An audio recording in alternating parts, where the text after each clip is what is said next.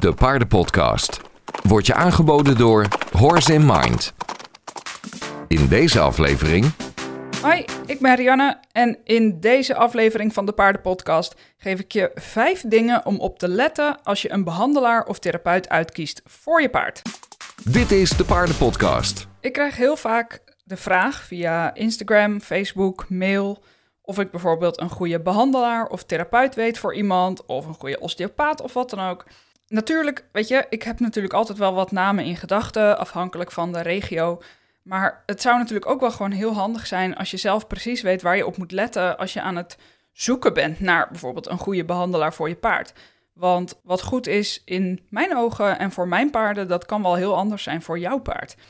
Uh, dus ik heb vijf dingen verzameld, vijf punten waar je eigenlijk op kan letten op het moment dat je dus een behandelaar of therapeut zoekt voor je paard. En ik heb de hulp ingeschakeld van Instagram. Op de Instagram-pagina van Horse in Mind heb ik even gevraagd in de stories waar andere mensen op letten op het moment dat ze dus een behandelaar of therapeut gaan uitkiezen. En uh, er waren best wel heel veel overeenkomsten. Dus met mijn eigen dingen waar ik zelf op let, in, gecombineerd met de antwoorden via Instagram, heb ik vijf punten op een rijtje gezet waar je dus op kunt letten. Dus het is een uh, vrij korte podcast, uh, maar ik hoop toch dat het, dat het inzicht geeft en dat je er wat aan hebt.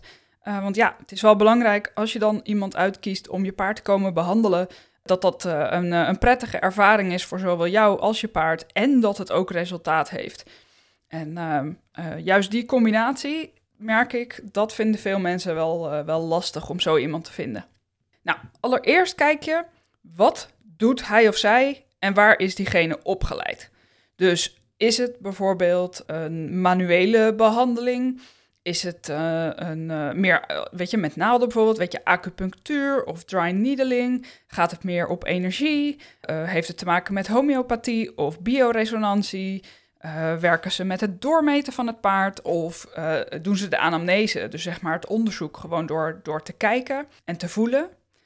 Dus daar zit al veel verschil in. Hè? Dus wil je meer een fysieke behandeling of wil je meer nou ja, een energetische behandeling bijvoorbeeld? Daar kun je al op letten. Uh, en dan maakt het natuurlijk ook uit waar diegene is opgeleid. Er zijn, ongeacht welk vakgebied het is, zijn er ja, altijd meerdere opleiders, meerdere opleidingen om te volgen. En daar kun je een beetje onderzoek op uitvoeren. Weet je, is, dit, is deze instantie goed aangeschreven? Zijn er goede reviews over? Uh, zijn er nog veel meer andere therapeuten die hier ook zijn opgeleid? Is het een erkende opleiding als je dat belangrijk vindt? Is het een opleiding van een aantal jaar of is het een cursus van een, een weekend of een paar weken bijvoorbeeld? Dat kan allemaal uitmaken voor de keuze die je maakt. Nou wil ik niet zeggen dat het een beter is dan het ander. Dus dat een driejarige opleiding per, per definitie een betere behandelaar oplevert dan iemand die een uh, drie weekenden op cursus is geweest, bijvoorbeeld. Tuurlijk, je kan ervan uitgaan dat in een driejarige opleiding er veel meer diepgang zit. En misschien ook in de breedte uh, nou ja, meer informatie zit. Maar of iemand een goede behandelaar is, en vooral ook of iemand een goede behandelaar is voor jou en jouw paard, ja, dat hangt gewoon af van nogal meer zaken. Maar dat is wel iets waar je, waar je op kan letten. Dus waar heeft iemand opleiding gevolgd? Heeft diegene uh, uh, een diploma? Wat voor opleiding of cursus is het? Hoe lang heeft het geduurd? En staat het ook goed aangeschreven?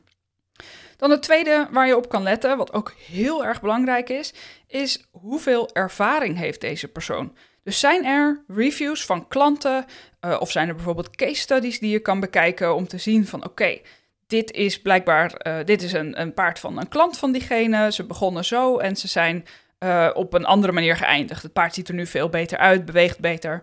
Nou ja, in, in wat voor tijdsbestek is dat? Zijn er misschien nog andere factoren veranderd? Is het helemaal toe te, toe te schrijven aan de behandeling of niet?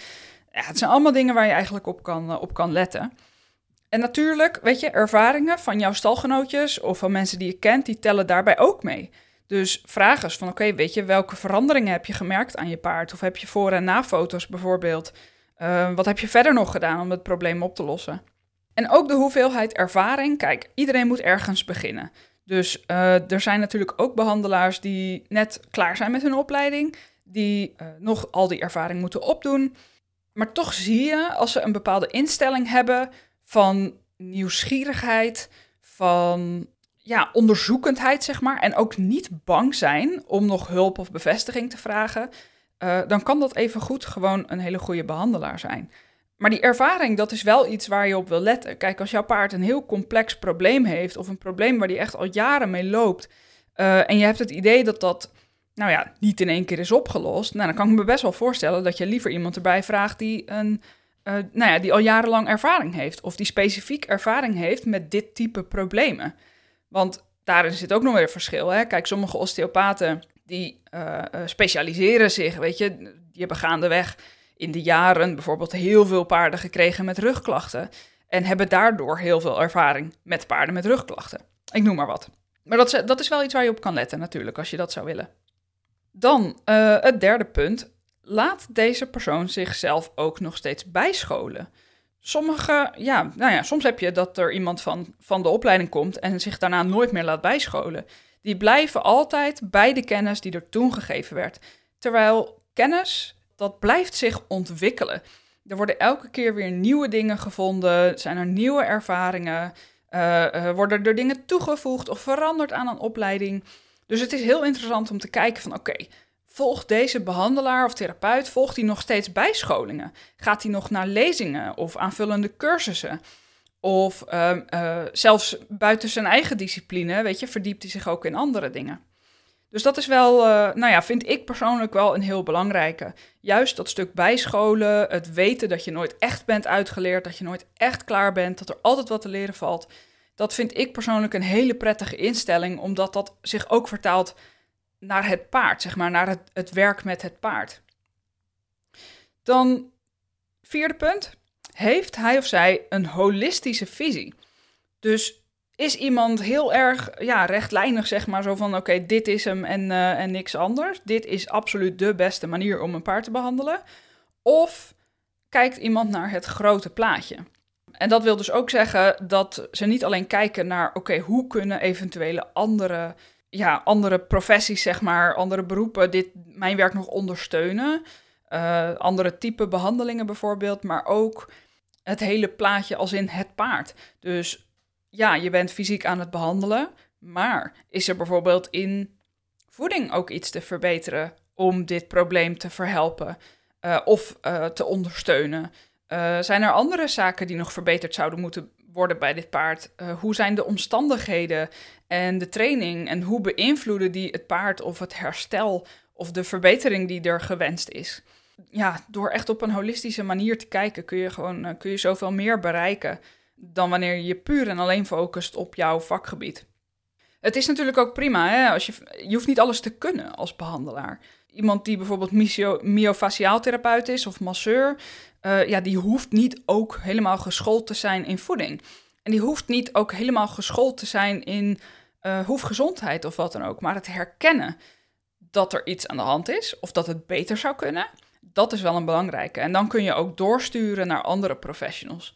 En dat is eigenlijk ja, punt 4b. Dus werken ze ook samen met andere professionals? Staan ze daarvoor open?